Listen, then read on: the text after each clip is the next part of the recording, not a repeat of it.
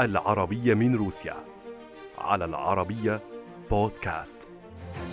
هل العقوبات الغربية فشلت في تدمير الاقتصاد الروسي؟ وهل فائض التجارة الخارجية الروسية سجل مستوى قياسيا والروبل أظهر استقرارا يحسد عليه؟ أم أن الاقتصاد الروسي حقق نجاحا بفضل ارتفاع أسعار السلع وقدرة روسيا على تصدير النفط والغاز والحبوب والذهب؟ في حين واجهت الدول الأوروبية مشكلة مزدوجة فهي تشكو عجزا في الطاقة أم أنه لا يوجد طريق لروسيا للخروج من الأزمة الاقتصادية حيث انخفضت كل من وارداتها وصادراتها كما تعاني الميزانية الحكومية من عجز لأول مرة منذ سنوات. هذه الأسئلة سنطرحها بعد قليل على ضيوفنا في استوديو العربية الخاص في روسيا. يسعدني أن أرحب بضيفي سيد سيرجي بكين مدير صندوق تنمية الطاقة. أهلا بك معنا سيد سيرجي. والسيد ستانسلاف متراخوفيتش الخبير الرئيس في الصندوق الوطني لأمن الطاقة والجامعة المالية التابعة لحكومة الاتحاد الروسي. أهلا بكما معنا ومنذ أن تم تنفيذ البدء بتنفيذ العقوبات على روسيا. نريد أن نقيم الأوضاع المالية الآن سواء على مستوى الدولة أو حتى على مستوى المجتمع الروسي. لنبدأ أولا بتأثير العقوبات أولا على البنك المركزي الروسي سيد سيرجي. كيف أثرت على الروبل؟ ما هو وضع الروبل الروسي الآن؟ في الحقيقة في فترة العقوبات الروبل الروسي صار أقوى. وسبب ذلك أن حجم الواردات انخفض في البداية بشكل كبير بينما حجم الصادرات على العكس ارتفع. بفضل العقوبات ارتفعت عالميا أسعار مصادر الطاقة النفط والغاز والفحم ونتيجة ذلك ارتفع مستوى العائدات المادية الروسية بالمقارنة مع ما كانت عليه في بداية هذا العام. ورغم انخفاض حجم الصادرات من هذه المواد إلا أن العائدات منها كبيرة جدا. ما يتعلق بالبنك المركزي فهو استطاع السيطرة على الوضع وهذا كان ايجابيا جدا إذ تمكن من الحفاظ على استقرار الاقتصاد الكلي.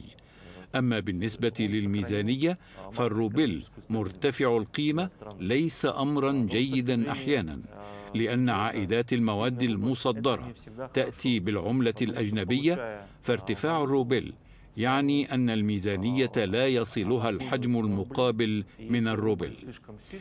وهذا ما نلاحظه في الأشهر الأخيرة حيث حجم الصادرات ارتفع وعائداته بالعملة الأجنبية كذلك ولكن العائدات بالروبل انخفضت. هذا مربح للمستوردين الذين يدخلون المواد إلى البلد. ولكن بالنسبة للميزانية هذه الحالة ليست الحالة الأفضل. لا بد الآن من الوصول إلى سعر آخر للروبل قد يوازي ما كان عليه في بداية العام وعندها سيكون الوضع أفضل. тогда будет все гораздо проще. قيل بانه في البدايات يعني قيل انه العقوبات هذه كان واحده من اهدافها ان تؤدي الى انهيار الروبل، هل جاءت العقوبات عكس ما كان متوقعا من قبل الدول التي فرضت هذه العقوبات على روسيا نظرا لتحسن سعر الروبل؟ يبدو انه عندما خططوا للعقوبات لم يخطط لها اقتصاديون وانما سياسيون لا يفقهون بعلم الاقتصاد. إذ عندما تقيد استيراد وتصدير مواد ترتفع أسعارها بحدة ويحدث عدم توازن إذ نتيجة ارتفاع المواد المصدرة تزداد الإيرادات بالعملة الأجنبية وفي نفس الوقت لا يمكنك شراء شيء بها.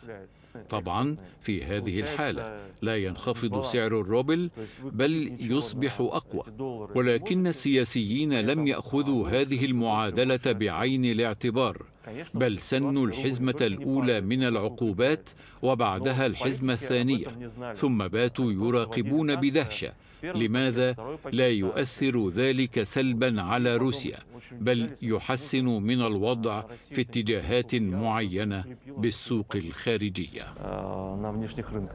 ماذا عن قطاع الطاقة سيد ستانسلاف إلى أي مدى تأثر بهذه العقوبات؟ نحن نعلم أن الدول الأوروبية أو كثير منها على الأقل كانت تريد أن تتجنب أي نوع من فرض العقوبات على قطاع الطاقة نظرا لمصلحتها في موضوع الغاز الروسي إلى أي مدى تأثر قطاع الطاقة في, في, في روسيا بهذه العقوبات؟ Первое, что нужно сказать, это то, что когда вводилась санкции يجب القول بداية إن الغرب عندما سن عقوبته انتظر مشكلات كبيرة في مجال الطاقة بروسيا لتنعكس بعدها على الاقتصاد بشكل عام وعلى استقرار السلطات ولكن ذلك لم يحدث والخطأ لم يرتكب من قبل السياسيين فحسب بل من قبل مستشاريهم. فالوكالة الدولية للطاقة مثلا توقعت أن ينخفض إنتاج النفط الروسي إلى الثلث في مارس وأبريل. وهذا لم يحدث.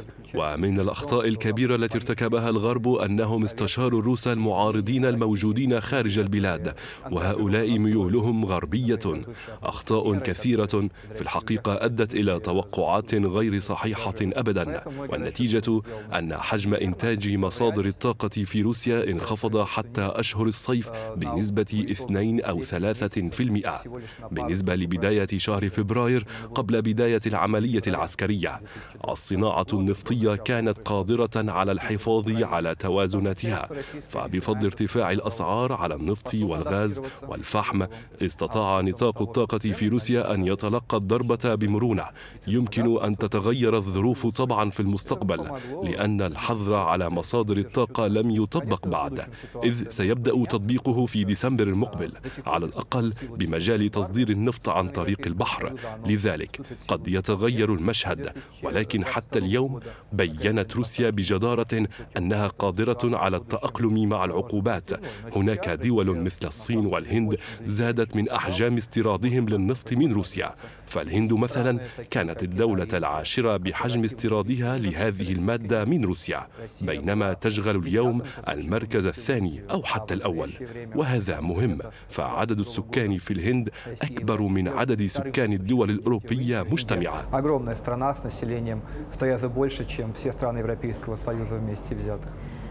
سيد سيرجي إذا كان قطاع الطاقة كما آه، ذكر ضيفنا الكريم آه، ما زال حتى هذه اللحظة بعد ستة أشهر من العقوبات أو خمسة أشهر من العقوبات محافظ على مستواه كيف أثر عدم العمل بنورد ستريم 2 على الاقتصاد الروسي؟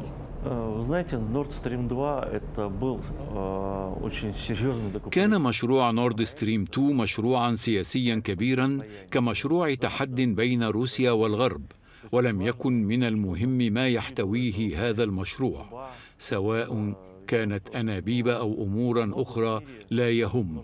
أصبحت هذه التسمية نورد ستريم 2 رمزا ما سنت ضده العقوبات تجاوزناها وتابعنا البناء. في النهاية بنيناه ولكن أصبح جزءا من التاريخ لأنهم اوقفوه برايي أن المشروع حقق عمله فنتيجة الضجة الكبيرة التي حدثت حوله ارتفعت أسعار الغاز ووصلت منذ عام إلى ألف دولار مقابل الألف متر مكعب. في الواقع أعاد نورد ستريم 2 رأس ماله لأن شركة غاز بروم باتت تبيع الغاز بأسعار أعلى وعلى مدى فترة زمنية طويلة. واليوم تحول المشروع إلى ما يشبه تمثالا أو رمزا فترة تاريخية معينة.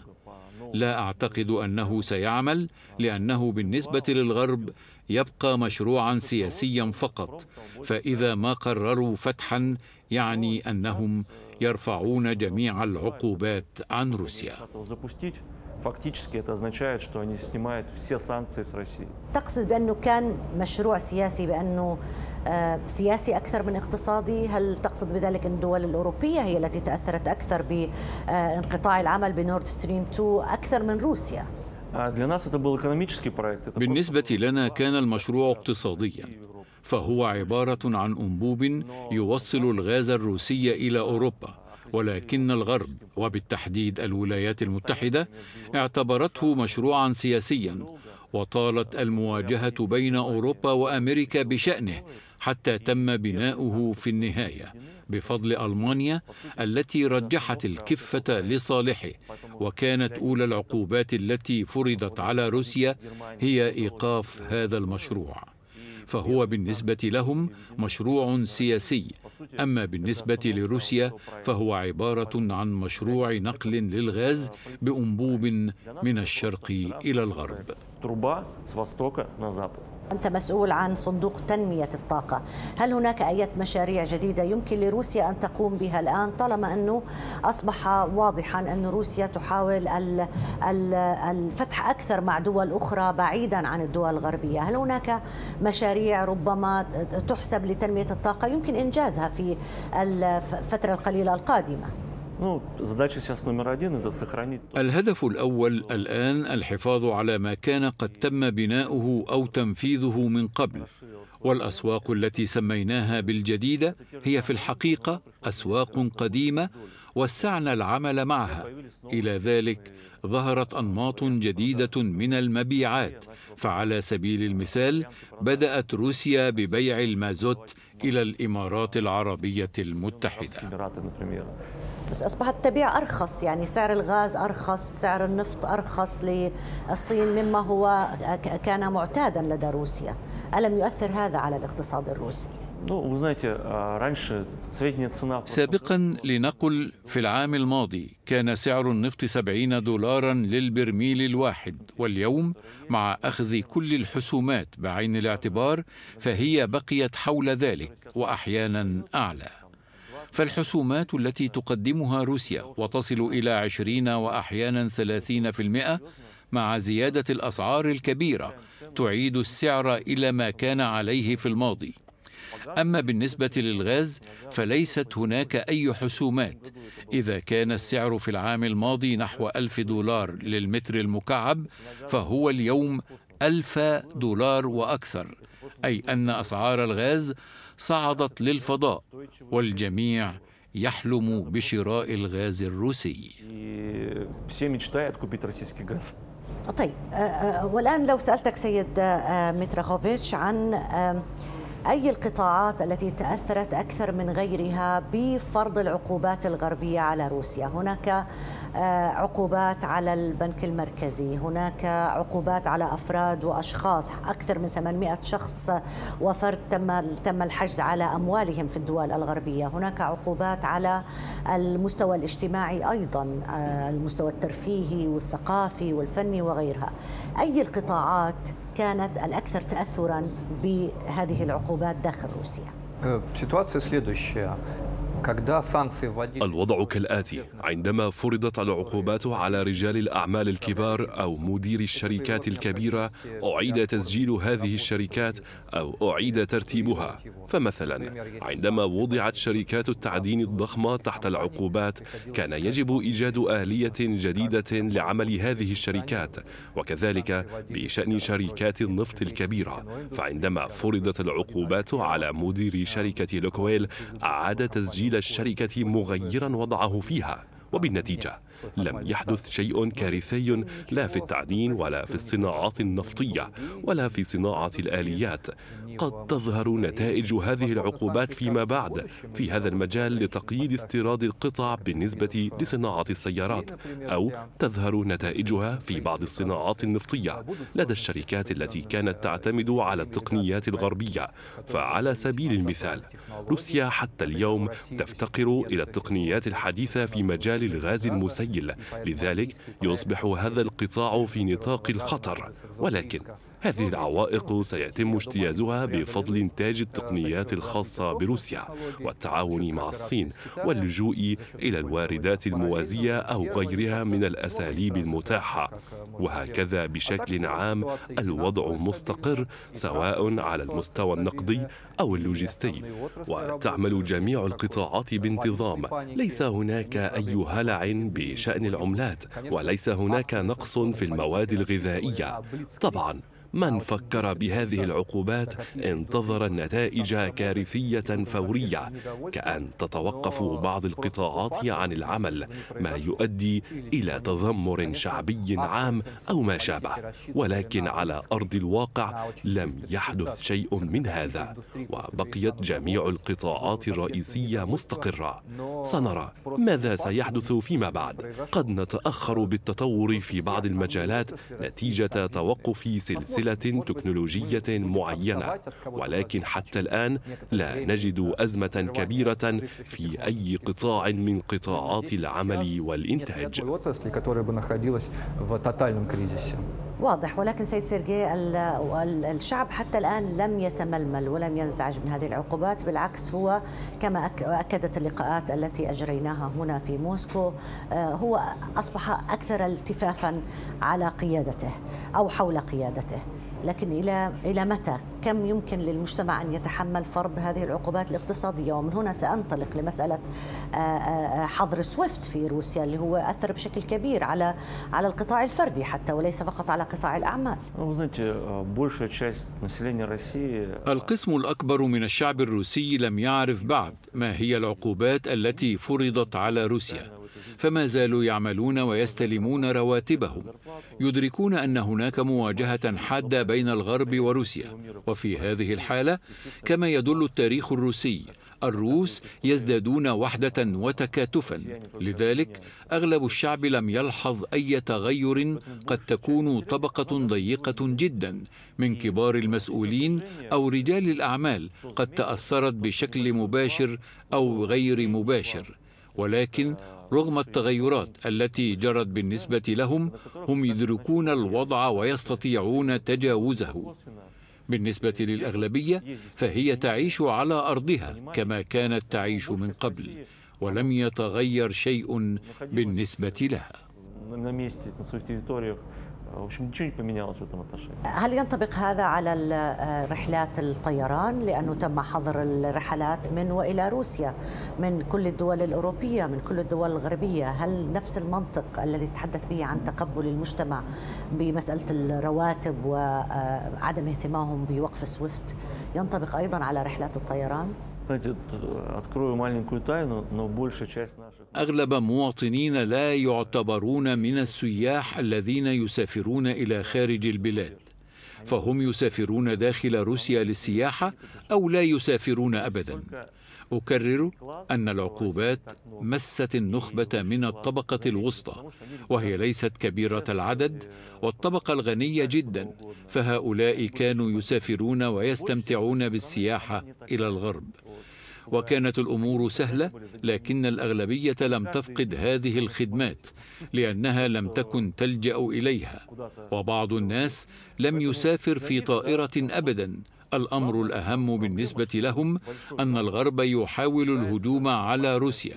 ومن هذا المنطلق يدركون أن عليهم مواجهة الغرب الكبير. أما أن الطائرة لن تقلع إلى مصر مثلا فليس بالأمر الخطير. الحقيقة إنه في كل اللقاءات التي أجريتها في هذه الرحلة في موسكو يعني خلصت إلى انطباع بأنه النموذج الغربي ليس نموذجا يلهث وراءه الشعب الروسي. النموذج الغربي آه، يعني ربما يكون خاسر حسب وجهة النظر الروسية أكثر من النموذج الروسي. ولكن لا أستطيع أن أتجاوز مسألة حظر سويفت. آه، صحيح أنه لا مجال وسؤالي لك سيدي لا مجال للمقارنة ما بين روسيا وإيران. لكن لنتذكر فقط بأنه آه، إيران فقدت أكثر من نصف عائدات القطاع النفطي ونحو 30% من عائدات التجارة عندما منعت من استخدام نظام سويفت في عام 2012 أنا بدي بالأرقام إذا كانت إذا كنا نستطيع نقدر الخسارة الروسية. أعتقد أننا لا نستطيع أن نتحدث عن خسائر روسيا نتيجة وقف نظام سويفت لأن تجارة النفط ما زالت مستمرة بما في ذلك الشركات التي فرضت عليها القيود والتي تستطيع استخدام سويفت حتى الآن أو تستخدم طرقا أخرى للتعامل فسويفت ليست إلا آلية للتبادل النقدي ويمكن استخدام آليات أخرى. التجارة العالمية وجدت قبل سويفت بزمن طويل وقبل ظهور الكمبيوتر وقبل ظهور الولايات المتحدة والدولار. هناك طرق عديدة. نحن ننظر في عدة احتمالات لتجارة النفط باستخدام عملات أخرى وبوساطة آليات مالية أخرى وهذا قابل للتطبيق. ولم يكن هذا ممكنا لما رأينا ارتفاع صادرات روسيا من النفط إلى الهند والصين والشرق الأوسط وغيرها. والدول الأخرى تكسب أكثر لأنها أصبحت تلعب دور الوسيط في تجارة النفط الروسي ويمكن يمكنها خلط نفطها معها مثلا أو منتجات النفط الروسي بمنتجات نفطها هناك مقولة إن العراق كتب بحثا في كيفية تجارة النفط في الظل وإيران كتبت رسالة دبلوم فروسيا يمكنها أن تكتب رسالة دكتوراه في هذا المجال. هناك طرق كثيرة لتجارة النفط في ظل الحظر وهي فعالة لذلك أعتقد أن الامتناع عن سويفت ليست نهاية العالم. حتى الآن لم تأتي هذه العقوبات بالنتائج التي انتظروها. حتى الآن مدة ستة أشهر. لكن ماذا لو استمرت هذه العقوبات؟ ألن يتأثر الاقتصاد الروسي؟ هل اتفاق هناك اتفاقيات جديدة شراكات جديدة مع دول جديدة خارج نطاق التي كانت تتعامل معه روسيا لتجاوز أو لتلتف على هذه العقوبات؟ وهذا يراه كثيرون بأنه أمر مشروع لروسيا الآن. سؤال لك سيد سيرجي طبعا ستؤثر العقوبات. لا يمكن القول إنها لن تؤثر ابدا وسيكون ذلك أكثر ما يكون في مجالين. المجال المالي والعمليات المالية مع الغرب. فما الذي فعله الغرب؟ في جوهر الأمر هو داس على حقوق الملكية الشخصية. استولى على الأصول البنكية بمئات ملايين الدولارات للبنك الروسي المركزي ولرجال الأعمال الروس وبذلك قضى على الثقة بالعملات الغربية. والدولار أولها. هذا ما سيؤثر على المدى الطويل على الأوساط المالية في كل العالم. حتى الآن الأمر لم يظهر بشكل واضح ولكن دولا كثيرة باتت تعلم أن الاحتفاظ باحتياطيها النقدي بالدولار أمر يهدده الخطر فهذا الاحتياطي موجود اليوم وفي الغد لا وجود له. لذلك نقول طبعا أثرت هذه العقوبات على القطاع المالي. في قطاع التقنيات أيضا أثرت العقوبات بشكل ملحوظ فقد خرجت من البلاد الشركات الأجنبية المنتجة للتقنيات وما نستطيع الحصول عليه اليوم منها لا يقارن ابدا بمستوى العمل الذي تعودنا عليه في الوضع الطبيعي. ونتذكر في هذا السياق التسعينات حيث كنا نلجأ إلى الاستيراد الموازي أي دون اللجوء إلى الشركات التي تملك حق ملكية هذه التقنيات. هذا الوضع يسبب بعض الصعوبات وخاصة لأننا لا نستطيع اللجوء إلى تقنياتنا الخاصة فإنتاجها لا يحتاج إلى شهور فقط وإنما إلى سنوات عدة وهذا سيعطي بنتائجه دون شك. المشروعات المطروحة الآن موجهة نحو السوق الداخلية وكذلك للحفاظ على الأسواق التقليدية لمنتجاتنا وتوسيعها مثل آسيا الشرقية والهند وأفريقيا التي أصبحت تثير اهتماما أكبر للعمل معها. ومن ثم الطرق المختلفة للالتفاف على العقوبات وسوف تتطور وتتعدد لسنوات طويلة مقبلة. للسيد ستانيسلاف متراخوفيتش الآن عندما تستهدف 70% من الأسواق المالية الروسية والشركات الكبرى المملوكة للدولة بما فيها الشركات المملوكة لوزارة الدفاع ما الهدف هنا؟ ما المقصود؟ يعني يعني هل هي محاولة خنق للاقتصاد الروسي من أجل أن يستسلم سياسيا أم ماذا تحديدا؟ الهدف الرئيس للعقوبات الاقتصادية المبررة سياسيا هو خلق أزمة اقتصادية ومن خلالها ضرب استقرار السلطات ومن ثم إجبار البلد على تغيير توجهها السياسي في هذا السياق يجب القول إن العقوبات فشلت تماما لأن القيادة الروسية حافظت على مواقعها والتوجه السياسي لم يتغير. قد يزيد واضع هذه العقوبات من الضغط بعقوبات أشد انتظارا لنتائج بعيدة المدى. ولكني أعتقد أنهم سيفشلون.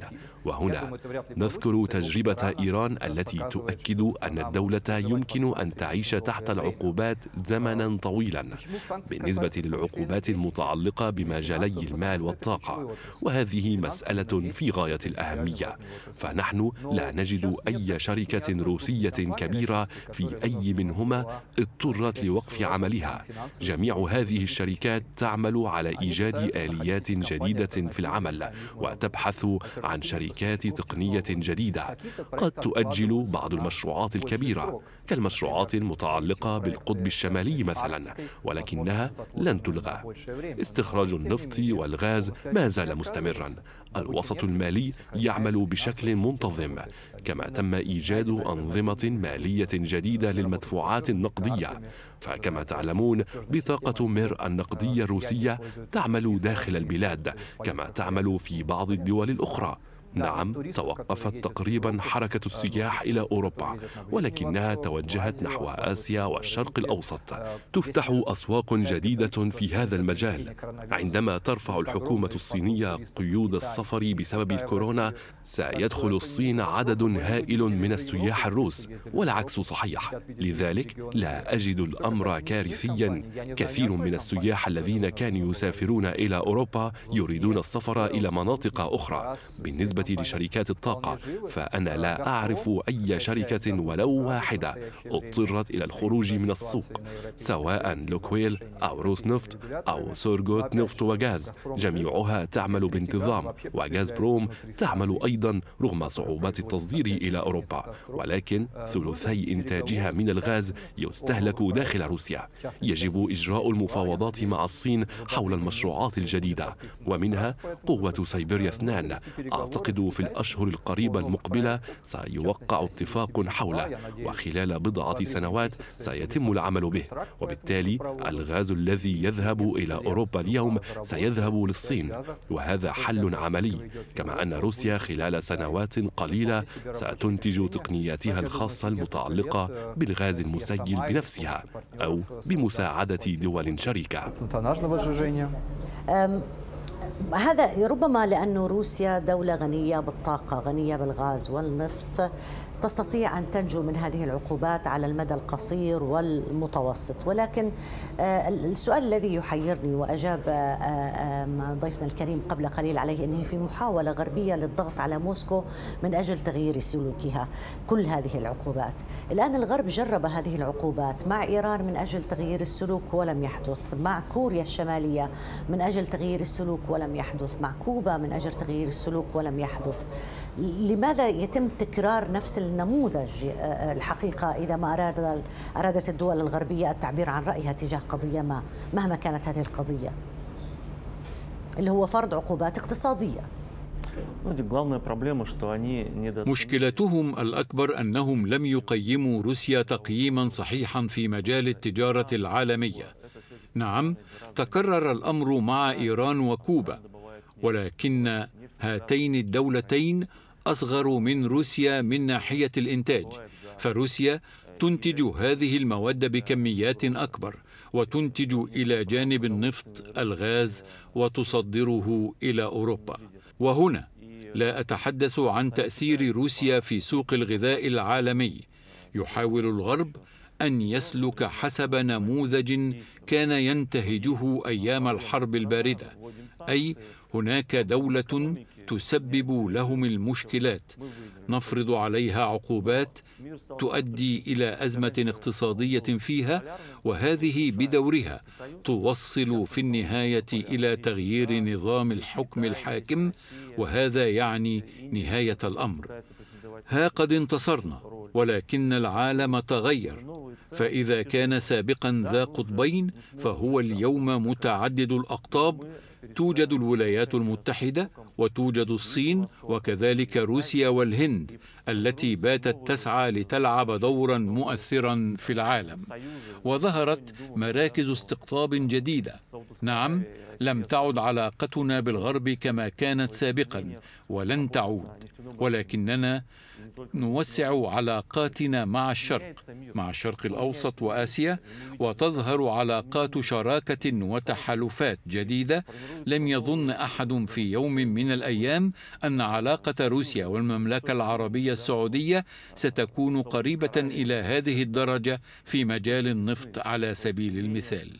أي أن العالم يتغير والتغير ليس سريعا لكن هذه التغيرات قد بدأت وسنرى نتائجها بعد سنوات قليلة. لكن آه، سيد ستانيسلاف إلى أي مدى يمكن لهذه العقوبات أن تجعل القادة الروس يفكرون بشكل آه، آه، أكثر عمق في مسألة تطوير التقنية؟ التعامل مع التقنية نلاحظ أن هناك فجوة ما بين التقدم العسكري الروسي والتقدم في قطاع النفط والغاز وما بين التقنية يعني التقنية المعلوماتية والإنترنت وغيرها هل يمكن أن نشهد قطاعات جديدة سيعتمد عليها الاقتصاد الروسي أيضا في المراحل القادمة أكثر من مما كان عليه الوضع سابقاً؟ أعتقد أنه ما من خيار آخر أمام القيادة الروسية غير أن تنتج تقنياتها الخاصة بها وتتعاون في هذا المجال مع الدول التي تعد صديقة مثل الصين. بالمناسبة الصين صممت مركبة للسير على المريخ بناء على كمبيوتر كمي وهذا بديل لما في الولايات المتحدة. وطبعا في مجالات الحاسوب والطاقة وغيرها لدى الصين تقنياتها الخاصة. على سبيل المثال شركة هونغ فو غروب في مجال الخدمات التي تعمل في روسيا يمكن القيام بمشروعات خاصة أو مشتركة. في روسيا تم الإعلان عن التحويل في عمل الكمبيوتر إلى برامج الحاسوب soft أنا أعمل في الجامعة حيث انتقلنا في العمل من مايكروسوفت إلى تقنيات روسية وهي تعمل بشكل جيد على جميع المستويات الطلابية والمكتبية والاتصالات. نحن لسنا بحاجة للتقنيات الأمريكية لدينا برامجنا الخاصة وإذا أخذنا مجال الطائرات فروسيا اليوم تعمل على مشروعات مثل سوخوي سوبر جيت 100 نيو وهو مشروع جديد روسي بشكل متكامل. اي لا يعتمد على أي مكملات غربية وسيكون جاهزا بعد بضع سنوات. وفي مجال الطيران البعيد تعمل على مشروع طائرة إم آر 21 ونموذجه الجديد بدون قطعة أجنبية واحدة. وهي طائرة تعمل الآن وسيتم تطويرها. تطير هذه الطائرات الآن في روسيا وسوف تطير قريبا إلى الشرق الأوسط وإفريقيا وجميع أنحاء أنحاء العالم دون أن يستطيع الغرب أن يعيقها. وفي مجال الغاز السائل تعمل روسيا على إنتاج التكنولوجيا الخاصة بها أو بمساعدة الدول الصديقة.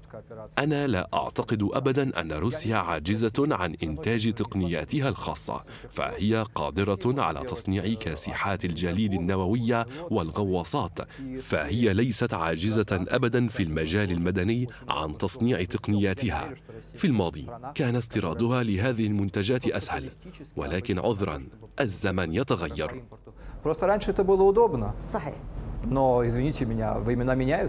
في أي سياق يمكن أن نضع انسحاب آه، روسيا من البرنامج الفضاء الدولي والانفراد ببرنامجها الخاص؟ هل هي نوع من الرد على العقوبات الغربية تجاهها؟ آه، ماذا سيؤثر هذا على برنامج الفضاء الأمريكي برأيك سيد سيرجي؟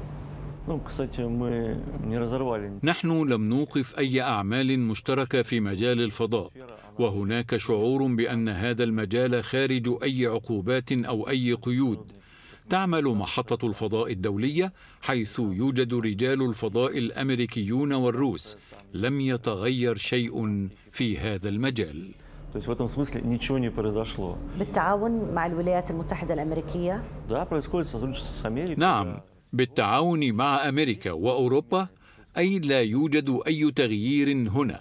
الفضاء خارج السياسة وهذا أمر جيد أنه يوجد شيء ما خارج السياسة. نعم، المرونة في الاقتصاد الروسي أين يمكن أن نضعها؟ هل يمكن أن نقول بأن الاقتصاد الروسي مرن بحيث أنه يعني خيب كثير من التوقعات أنه لم ينهار الروبل، لم يضعف الاقتصاد الروسي بالرغم من فرض هذه العقوبات على عليه من قبل الغرب.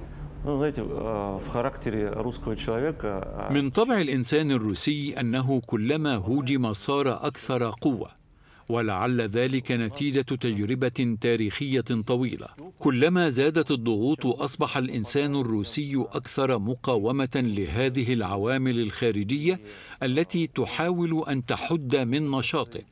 وهذا لا ينطبق على النموذج الغربي بينما فرضت العقوبات بما يتوافق مع هذا النموذج. أي إذا أخذنا منك شيئا ستشعر بالحاجة له وتأتي إلينا طائعا لنعطيك إياه أو نبدله بما يناسبنا. أما نحن فنتصرف بشكل آخر. إذا ما أخذ منا شيء نحاول أن نلتم على بعضنا لنجد بديلا. ولعل هذا الفرق في فهم الحياة بيننا وبين الغرب سبب من أسباب فشل العقوبات. كيف يمكن الرد على أولئك الذين يقولون إنه مكانه روسيا في كمصدر رئيسي للسلع قد تدهورت بعد بعد العقوبات وبعد الحرب في أوكرانيا؟ العقوبات تعيق التجارة الدولية كما تعيق التجارة الطبيعية داخل روسيا ولكننا نرى أنها لم تؤدي إلى نتائج ملموسة فلو كانت نتائجها كارثية وأدت إلى انهيار الاقتصاد الروسي انهيارا تاما كما كان يردد باراك أوباما لرأينا هذه النتائج وشاهدنا الاحتجاجات في كل مكان. كان من غير الممكن أن نتعامل ماليا داخل البلاد ولكننا نرى مشهدا آخر. تصدير النفط والمعادن يعود بالأرباح على روسيا وكذلك الأسمدة وغيرها. الاقتصاد بشكل كامل يستمر في عمله.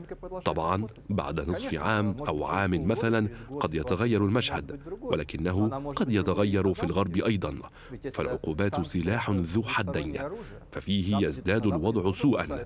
في أوروبا تضخم اقتصادي كبير والولايات المتحدة تشهد تضخما قياسيا لم تشهده منذ أربعين عاما. غلاء كبير في أسعار الخدمات السكنية. الشركات الأوروبية تفقد القدرة على المنافسة. في أوروبا صعوبات كثيرة وخاصة فيما يتعلق بالصناعات التي تحتاج لطاقة كبيرة مثل الأسمدة والأسمنت وتصنيع المعادن. سوف تضطر هذه الشركات إلى الانتقال للصين والهند وغيرهما من الدول إذا أرادت الاستمرار في العمل. والسؤال كم من الوقت سيتحمل الأوروبيون مثل هذه الخسائر؟ برأيي عندما تبني روسيا علاقتها مع الشرق ستدرك أوروبا أنه لا بد من العودة للعمل مع روسيا إلى أي مدى تتفق سعيد سيرجي مع أنه مع الرأي الذي يقول بأنه ما يحدث هو إعادة تأسيس لمشهد اقتصادي أكثر عدلا تكون الغلبة فيه لمن يوفر للناس للعالم طعامه وقمحه أكثر من من يوفر لهم وسائل تسلية ولا وسائل تكنولوجيا أو وسائل أخرى. في الحقيقة المسألة الغذائية كانت مهمة دائما ولكن في العامين الأخيرين مع انتشار كورونا أصبحت أسعار الغذاء تنمو بشكل كبير واليوم هي أغلى مما كانت عليه منذ عام مثلا. يخشى الكثيرون أن المشكلة الأكبر في العالم لن تكون بسبب الحظر على مصادر الطاقة مثلا وإنما بسبب الحظر على المواد الغذائية التي تعد روسيا من أهم مصدريها سواء للشرق الأوسط أو لإفريقيا وأوروبا. وإذا تناقص حجم صادراتها سترتفع أسعار هذه المواد وقد يؤدي ذلك إلى الجوع في بعض الدول. وقد أدركت دول أهمية هذا الأمر فإذا كان الإنسان قادرا على العيش بدون لتر بنزين فهو لا يستطيع ذلك بدون كيلو جرام من الحبوب. فالأمر في غاية الأهمية. هل روسيا بدأت بإنتاج أو قادرة أو موجود فيها أصلا بدائل للمنتجات الغربية على الأراضي الروسية بحيث يمكنها الاستغناء عن المنتجات الغربية؟ لو طرحت هذا السؤال في التسعينيات لقلت لك إن روسيا لن تستطيع الاستمرار من دون الغرب. ولكننا لسنا في التسعينيات. اليوم تربط روسيا ودولا كثيرة علاقات شراكة وصداقة فيمكنها أن تستغني تماما عن الغرب. عدا ذلك فالغرب نفسه سيضطر لإعادة علاقته مع روسيا عندما يرى ارتباطها بالصين والهند وغيرهما من دول العالم بعلاقات جيدة. في روسيا كل ما هو مهم لاستمرار الحياة المواد الغذائية ومصادر الطاقة والمعادن والطبيعة المتنوعة وعدد سكان ليس بالقليل. وبالتعاون مع الهند والصين سيفوق عدد سكان هذه الكتلة عدد سكان الدول الغربية. سيد سيرجي هل تقول بأن محاولات الغرب عزل روسيا عن طريق هذه العقوبات الاقتصادية قد فشلت؟ أم أنها فشلت حتى الآن؟ يمكن القول إن الهدف الذي كان يرجى تحقيقه منذ البداية عندما فرضت هذه العقوبات لم يتحقق. العقوبات لم تؤدي إلى نتائج سريعة. لا شك أنها ستؤثر على الاقتصاد.